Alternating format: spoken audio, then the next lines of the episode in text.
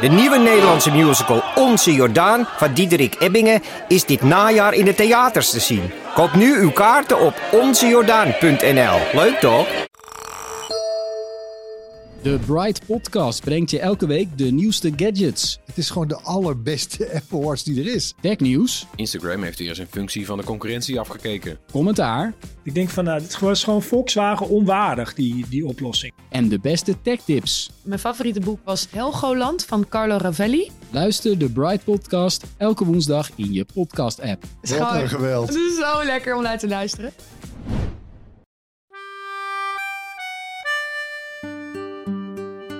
Dit is Man met de microfoon met echte en bijna echte verhalen. En mijn naam is Chris Baayema.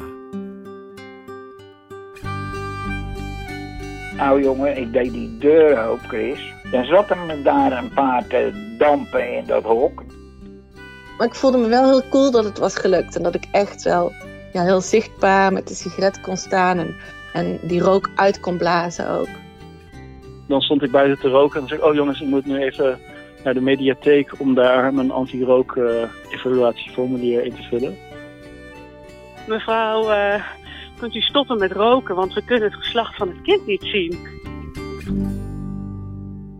Ja, welkom bij aflevering 48 van Man met de microfoon. En eh, de vaste luisteraars weten het. mijn uitzendingen staan nu in het teken van de Canarieboekjes.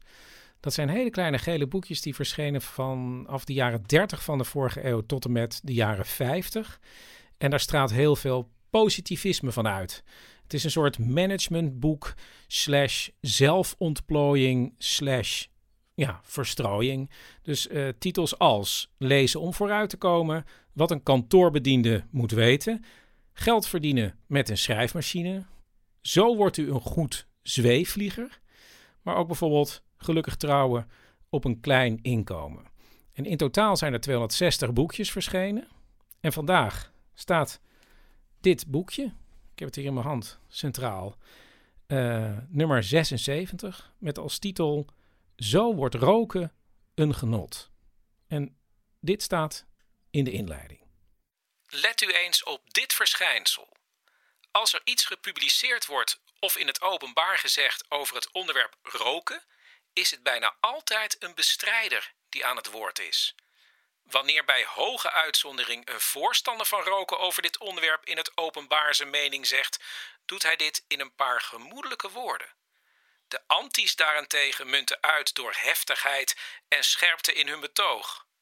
Dit op zichzelf zou reeds pleiten voor de gemoedelijke invloed van het roken. Ja, het is duidelijk. Dit is een boekje uit een heel ander tijdperk, namelijk uit 1937.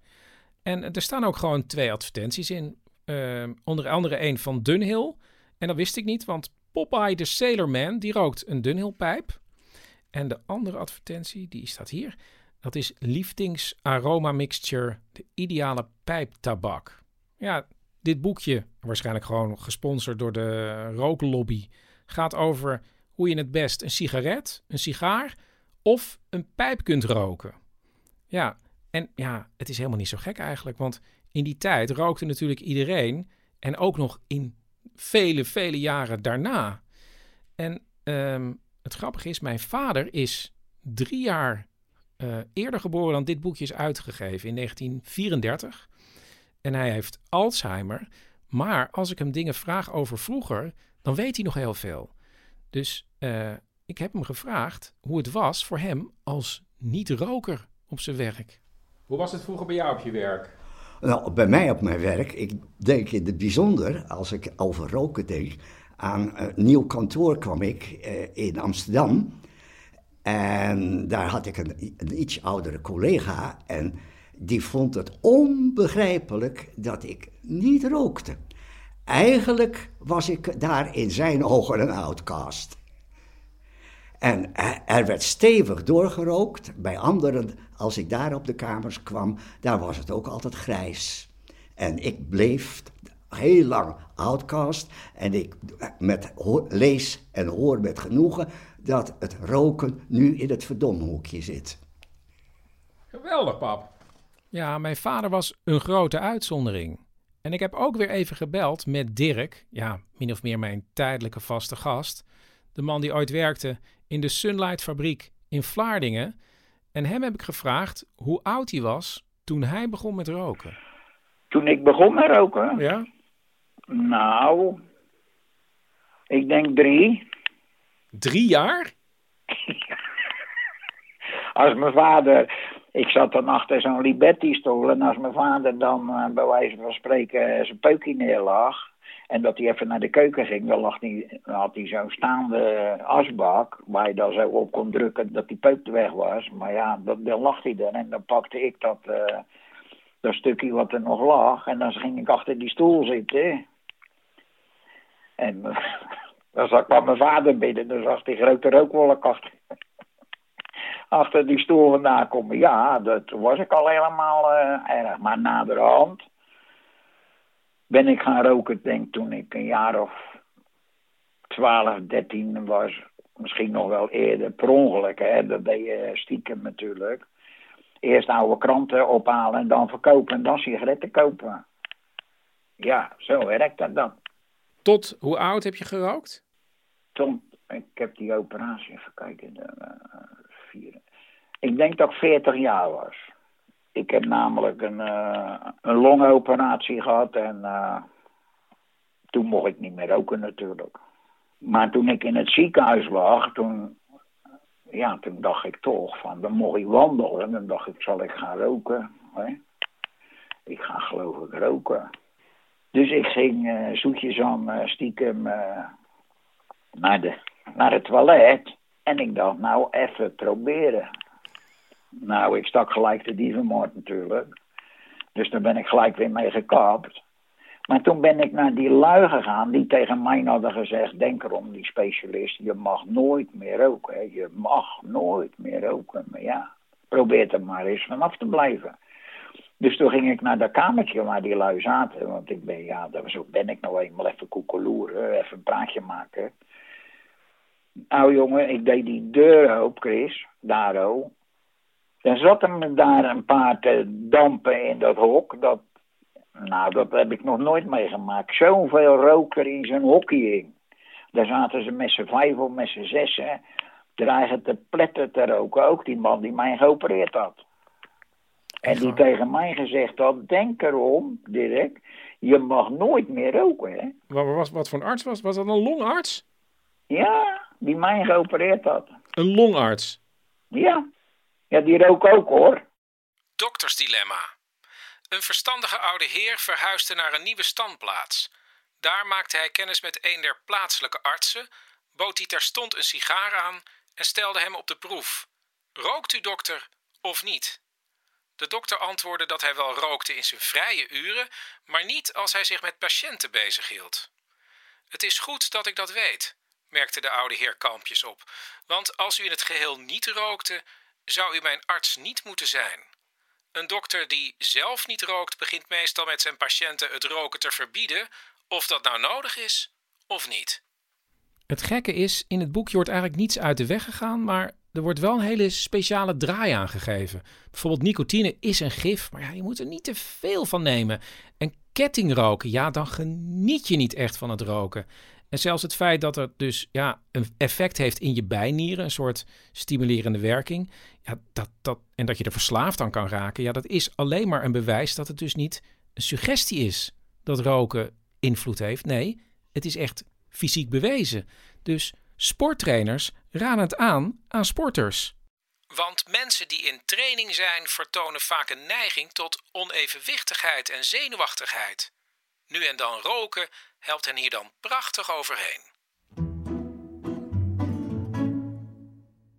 Ik weet dat ik een jaar of 14 was en uh, nou ja, roken was cool, was stoer. En het was ook heel fijn op een feestje, op een vijf eigenlijk was dat. Als je dan uh, iets in je handen had, want het was zo nerveus of was het spannend, dan kon je een sigaret pakken en die aansteken. Dit is Sanne en zij vertelt iets over een onderwerp wat helemaal niet voorkomt in het Canarieboekje. Namelijk rook inhaleren. Nou goed, Sanne was met haar vriendinnen op een feest.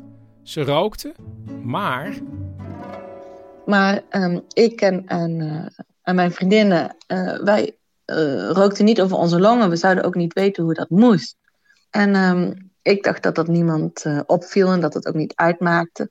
Maar soms zeiden jongens of zo wel, oh, je rookt helemaal niet over je longen. Dus ik dacht, oh shit, ik kan het dus eigenlijk nog niet hoe het hoort. Ik wil, wil dat ook kunnen. En um, heel veel oefenen en steeds zo diep inademen, lukt het op een gegeven moment. Het voelde wel alsof een soort van mes door mijn keel sneed. Maar, uh, maar het was gelukt en ik vond het ook best wel tegenvallen. Dat het dus ook zeker niet lekkerder was. Maar ik voelde me wel heel cool dat het was gelukt. En dat ik echt wel heel zichtbaar met de sigaret kon staan. En, en die rook uit kon blazen ook. En, um, en ik weet dat uh, toen een van mijn beste vriendinnetjes... haar lukte het maar niet. En het was echt een, ja, een probleem. Toen zei ik, ja, het is eigenlijk moet je een beetje doen alsof je slikt. In één keer heel hard inademen en dan op een gegeven moment gaat het over je longen. Uh, en dan is het gelukt. Dan zei ik proberen, maar dat lukte maar niet. Hadden we een soort overeenstemming gemaakt van uh, dat ik haar die week een paar keer mocht laten schrikken, onverwacht, als ze aan het roken was. En dan hoopten we eigenlijk dat het zo zou lukken. En op een dag was het zover.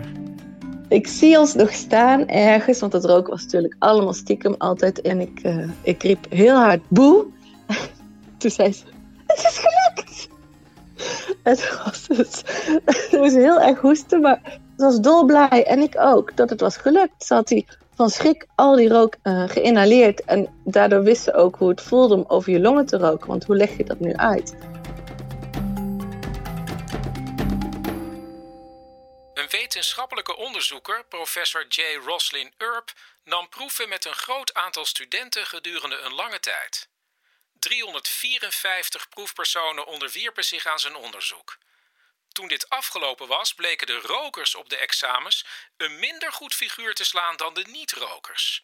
Maar, luidde de conclusie van het onderzoek, men mag niet aannemen dat de invloed van de tabak de roker minder helder heeft gemaakt. Als alle tabak van de wereld verbrand werd, geloof ik niet dat de resultaten van de proefpersonen anders geweest zouden zijn. De rokers kwamen iets achter bij de niet-rokers omdat zij verschillend van aard waren. Roken is een gezelligheidsgewoonte. Het meeste wordt gerookt als de jongelui elkaar opzoeken en onder gezellige koud, en dat is waarschijnlijk wat hen in de studie enigszins belemmerd heeft. Maar door hun hun sigaretten te ontnemen, zouden zij niet eenzelvig van aard worden of meer tijd gaan besteden aan hun studie dan aan de gezelligheid. Dag Chris, uh, ik spreek met Dirk. Uh, mijn drie woorden uh, zijn valsheid in geschriften, puberteit en centerfold. Kijk, dat zijn wel drie intrigerende woorden. Dus ik heb Dirk gebeld voor zijn verhaal. Uh, nou, ik zat op de middelbare school en ik was, uh, al, uh, was al vroeg bij qua roken, want dat deed ik al heel veel. En toen op een gegeven moment zagen mijn vrienden en ik op het prikbord in de hal een briefje hangen van de universiteit. In Nijmegen was dit, met de vraag...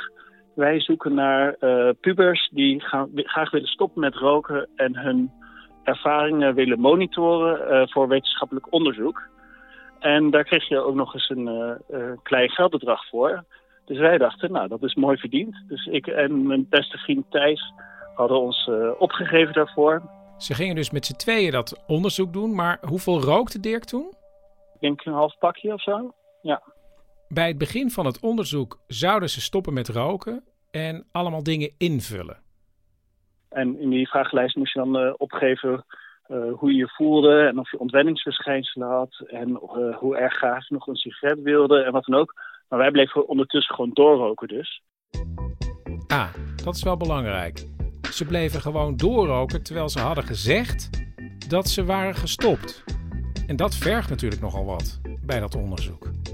Ja, tuurlijk. Ja, dat was dus ook de hele sport ervan. Dat je dus ging nadenken, oké, als ik nu gestopt was, hoe zou ik me dan nu voelen? Dus ochtends of middags. Of, uh, je moest ja, echt een stuk of vijf, zes keer per dag dat invullen. Dus dat was, uh, moest je zitten inbeelden. En dan op een gegeven moment dus na een paar dagen, na een week was je dan gestopt. En hoe voel je je nu? En dan kon je dus, en je kon dan ook zo'n vrije velden, kon je dan nog een beetje bijzetten hoe verder met je ging. Dus dan kon je zeggen van, nou eigenlijk uh, vind ik het vet goed gaan. En nou goed, dus ik kon daar ook wel, wel mijn creativiteit in krijgen.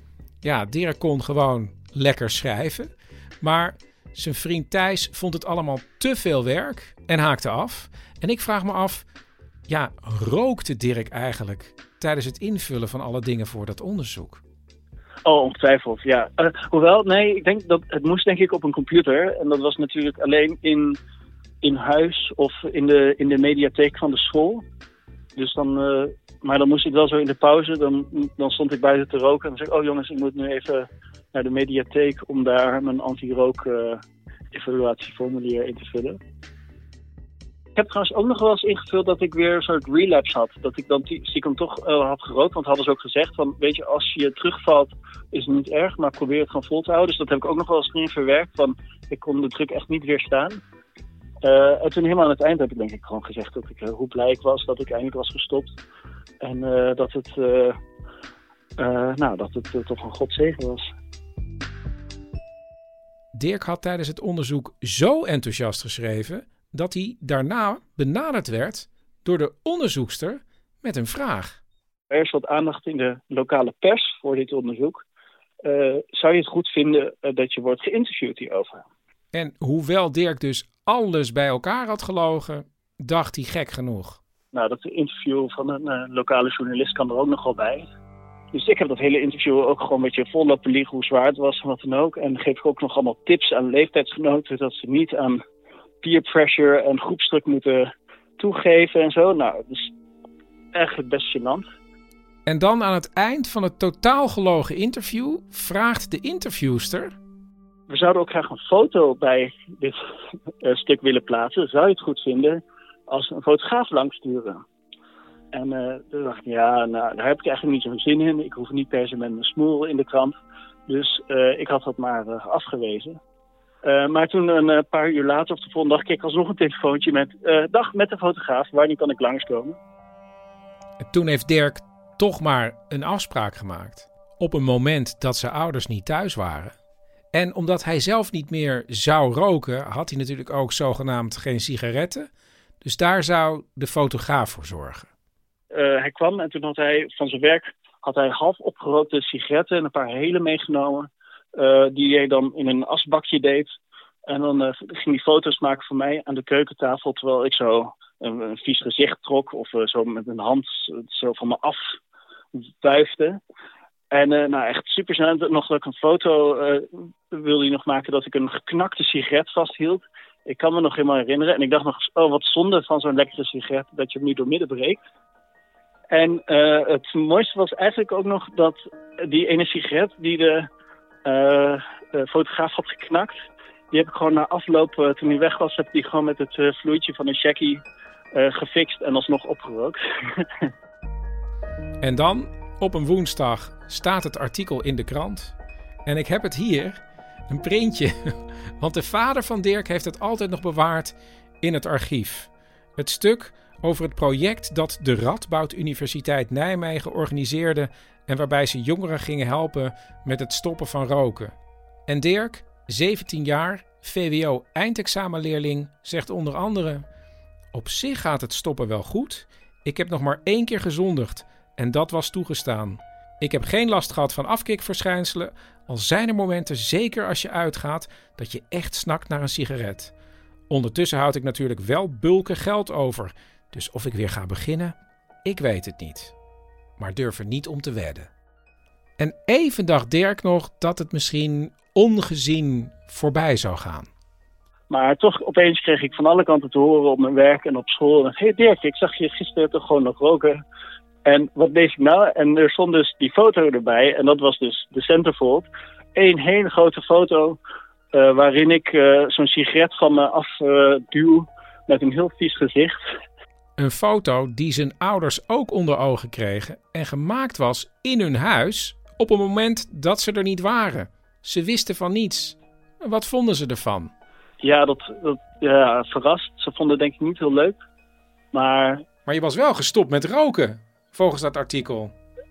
ja, maar dat, dat klopte dus niet zo. Ik denk dat mijn moeder iets, iets zal hebben gezegd als dan was het maar waar.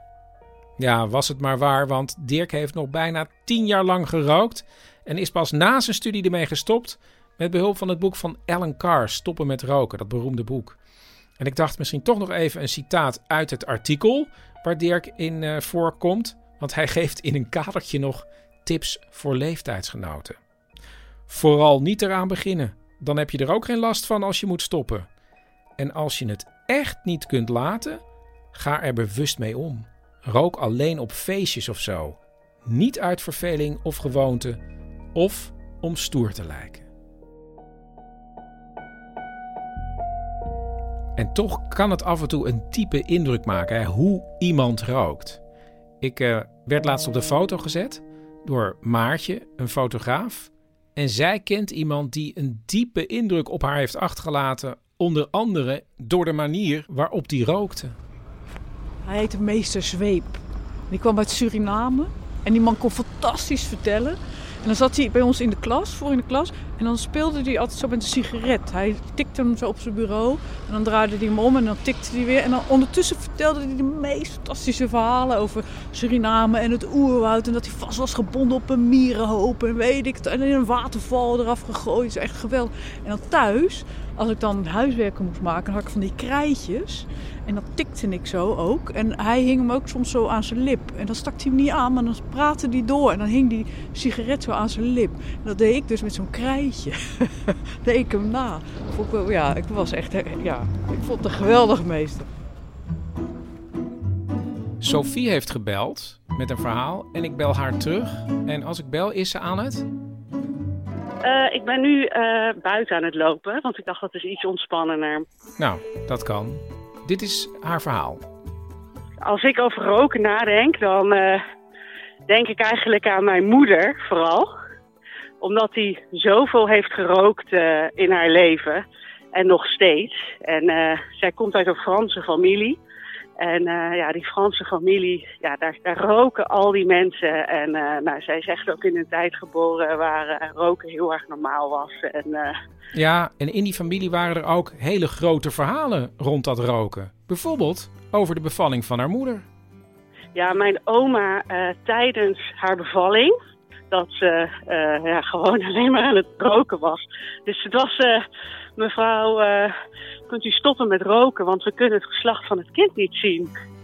Het klinkt natuurlijk grappig, maar hoe vond Sophie het eigenlijk dat haar moeder rookte? Kijk, als je echt heel erg klein bent, dan vind je dat normaal en dan ben je er niet mee bezig. Maar toen ik een jaar of zeven was, of acht, dan begin je een beetje bewust te worden, hè, want dat waren de 90s. Hè, en toen werd toch al bekend van dat roken is niet zo goed voor je gezondheid. Dus toen begon ik als klein meisje te protesteren. Want ik dacht, ja, uh, mijn moeder rookt als een ketter en uh, ik moet hier iets tegen doen. Voordat Sophie vertelt wat ze er toen tegen ging doen, Schets ze even de situatie. Mijn moeder die stak dan overal in het huis wel eens een peukie op.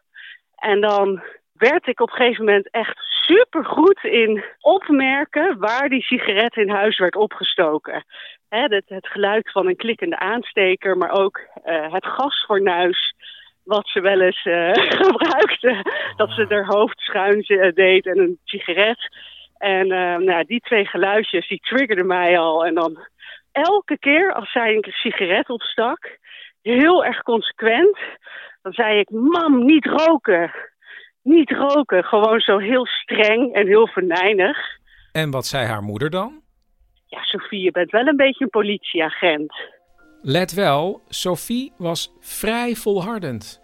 Dus elke keer als haar moeder een sigaret opstak, zei ze niet roken. Dat waren honderden, misschien wel duizenden keren. En Sophie was misschien niet zozeer een politieagent, maar gewoon bang. Ik was bang dat ze doodging. En um, dat, uh, ik dacht gewoon van, hè, uh, roken, dood, dat, dat, dat, was gewoon voor mij heel verbonden in mijn hoofd.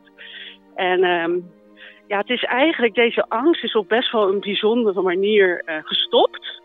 Want toen op een dag, toen was ik elf, toen lag ik in bed en toen toen stond ze aan mijn bed s'avonds en toen zei ik zo heel serieus, ik zo, mam, ja, je moet echt stoppen met roken, want ja, ik ben bang dat jij doodgaat. Dus uh, ja, dat zit me dwars.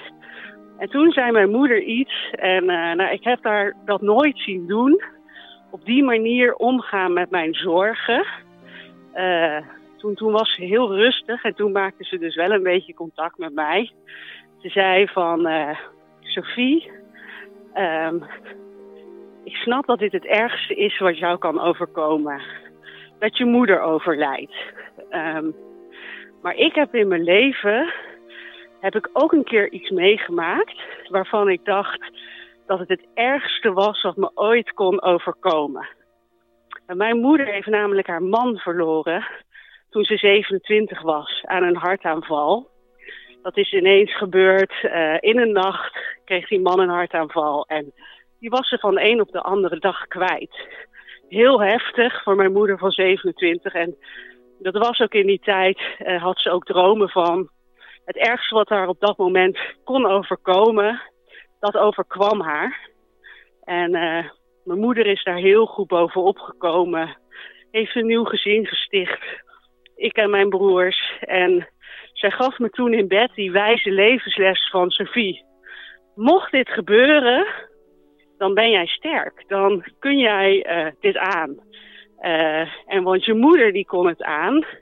Dus jij kan dit ook aan. Dus toen merkte ik ook in mezelf opeens, echt voor de eerste keer na jaren, dat ik een soort van heel relaxed werd over het onderwerp. En dat ik gewoon tot rust kwam en dat ik dacht, oké, nu heb ik er vrede mee.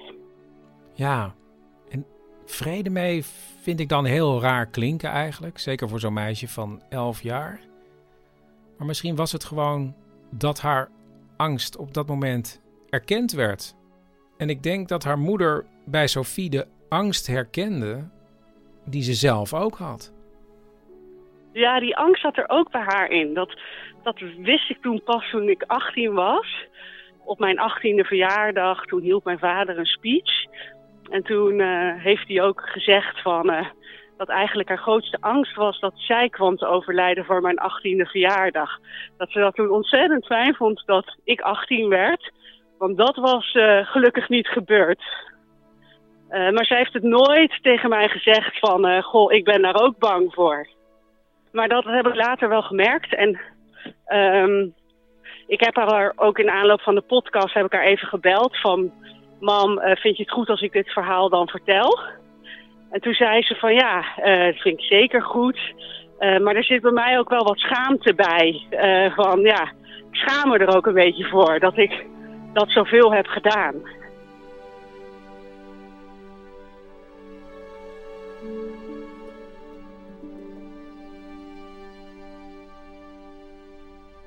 Dr. Dryden St. Clair, een Amerikaanse psycholoog, was een jaar of vijf geleden bezig met het schrijven van een zwaar inspanning vereisend boek. Hij dacht dat hij te veel rookte en dat dit hem in zijn werk zou hinderen. Alleen reeds de voortdurende onderbreking van zijn werk door lucifers aan te steken, as af te kloppen en stompjes uit te drukken, meende hij, moest wel hinderen in zijn concentratie. Dus beperkte hij zich tot een paar sigaretten per dag in de hoop nu beter te zullen werken. Het bleek al spoedig dat hij zich vergist had. Na een week moest hij toegeven dat het afschaffen van het roken tijdens zijn werk wel verre van hem te helpen een verkeerde invloed had. De regelmatige stroom van ideeën werd gestuit, zijn zinnen vloeiden niet meer zo goed uit zijn pen, kortom, hij schoot minder goed op in plaats van beter. Hij dacht, wat u onmiddellijk ook zou denken, dat deze moeilijkheden ontstonden omdat hij de gewoonte van het roken moest overwinnen. Als hij het maar lang genoeg volhield, meende hij, tot hij het roken geheel was afgewend, zouden de gunstige gevolgen wel komen. Zes maanden lang worstelde hij zo voort, en al die tijd bleef het werk slecht vlotten. De hoofdstukken die hij in die tijd schreef, bevielen hem in het geheel niet toen hij ze later overlas. Toen gaf hij zich gewonnen. Hij ging weer roken als een schoorsteen tijdens zijn werk en bijna onmiddellijk ging het beter. Binnen veertien dagen kon hij weer aan zijn schrijftafel gaan zitten en achter elkaar doorwerken gedurende vijf uur per dag met nauwelijks enige onderbreking. Sinds vele jaren en reeds lang voor hij van het bovenstaande gehoord had, is de schrijver van dit boek gewend om tijdens zijn werk vrijwel constant te roken. Dit was aflevering 48 van Man met de Microfoon. Man met de Microfoon wordt mede mogelijk gemaakt door Theater de Kleine Comedie in Amsterdam. En ja, theater is op dit moment dicht, maar er zitten dingen aan te komen. Ik zou zeggen, hou in ieder geval hun site in de gaten. dekleinecomedie.nl En ik zou willen zeggen, ja, ehm, als je het een leuke podcast vindt, laat sterren achter in de iTunes Store. Heb je opmerkingen, reacties, die kunnen naar manmetdemicrofoon@gmail.com. Tot volgende week.